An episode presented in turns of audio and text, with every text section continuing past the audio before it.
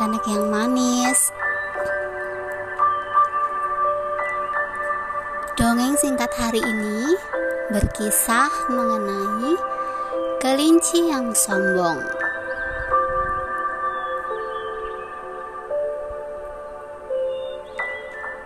Menurut kalian, apa yang akan terjadi dengan binatang yang sombong? Nah, mari kita dengarkan sama-sama. Di satu hutan rimba yang lebat, terdapat satu sungai jernih yang biasa menjadi tempat berkumpulnya para binatang. Pada suatu hari, di tepi sungai itu, para binatang sedang berkumpul. Mereka terlihat sedang berbincang dengan amat seru. Salah satu binatang yang berkumpul itu adalah kura-kura. Tiba-tiba, kelinci datang dan mengacaukan semuanya. Kelinci memang sangat suka mengacau. Lihatlah, teman-teman, kakiku panjang. Aku bisa berlari cepat, tidak seperti kura-kura. Ucap kelinci sambil melirik ke arah kura-kura. Kura-kura yang mendengarnya pun merasa jengkel. Aku tidak lamban, aku hanya tak ingin berburu-buru. Balas si kura-kura. Ah, akui saja jika kau memang lamban kura-kura. Ledek kelinci. Ia baru puas jika teman yang diledeknya merasa berkecil hati. Aku akan membuktikan bahwa aku bukan binatang yang lamban. Bagaimana jika kita lomba lari? Tantang kura-kura. Mendengar tantangan kura-kura, kelinci tertawa terbahak-bahak. Ia mengira kura-kura hanya bercanda. Sementara itu, teman-teman binatang yang lain merasa kasihan kepada kura-kura. Apa kau takut, kelinci? Tanya kura-kura. Karena tak mau diremehkan, kelinci langsung menerima tantangan kura-kura. Mereka, mereka pun sepakat akan bertanding esok hari. Malam itu, kura-kura tak bisa tidur.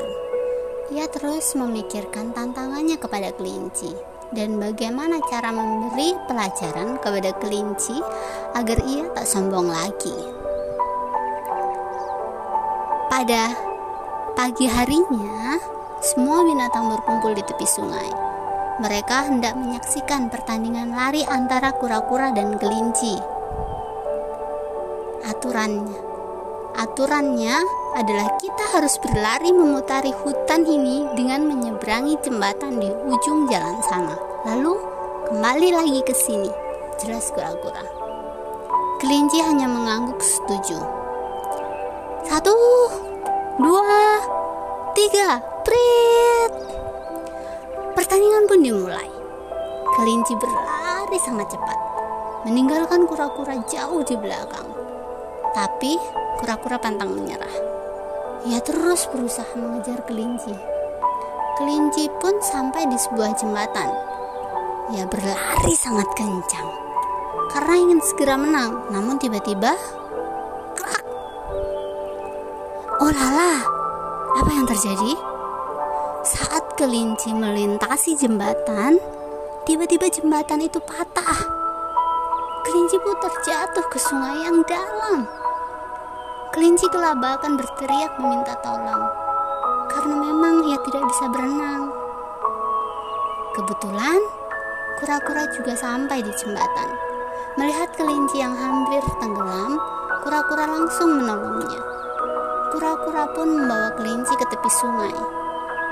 Setelah beberapa saat, akhirnya kelinci bisa kembali bernafas lega.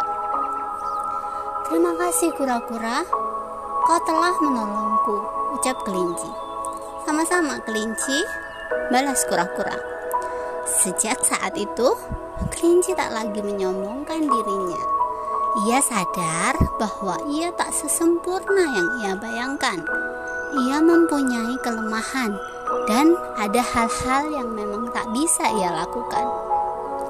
Nah, anak-anak, apa pesan moral yang kita bisa dapat dari cerita kelinci yang sombong ini?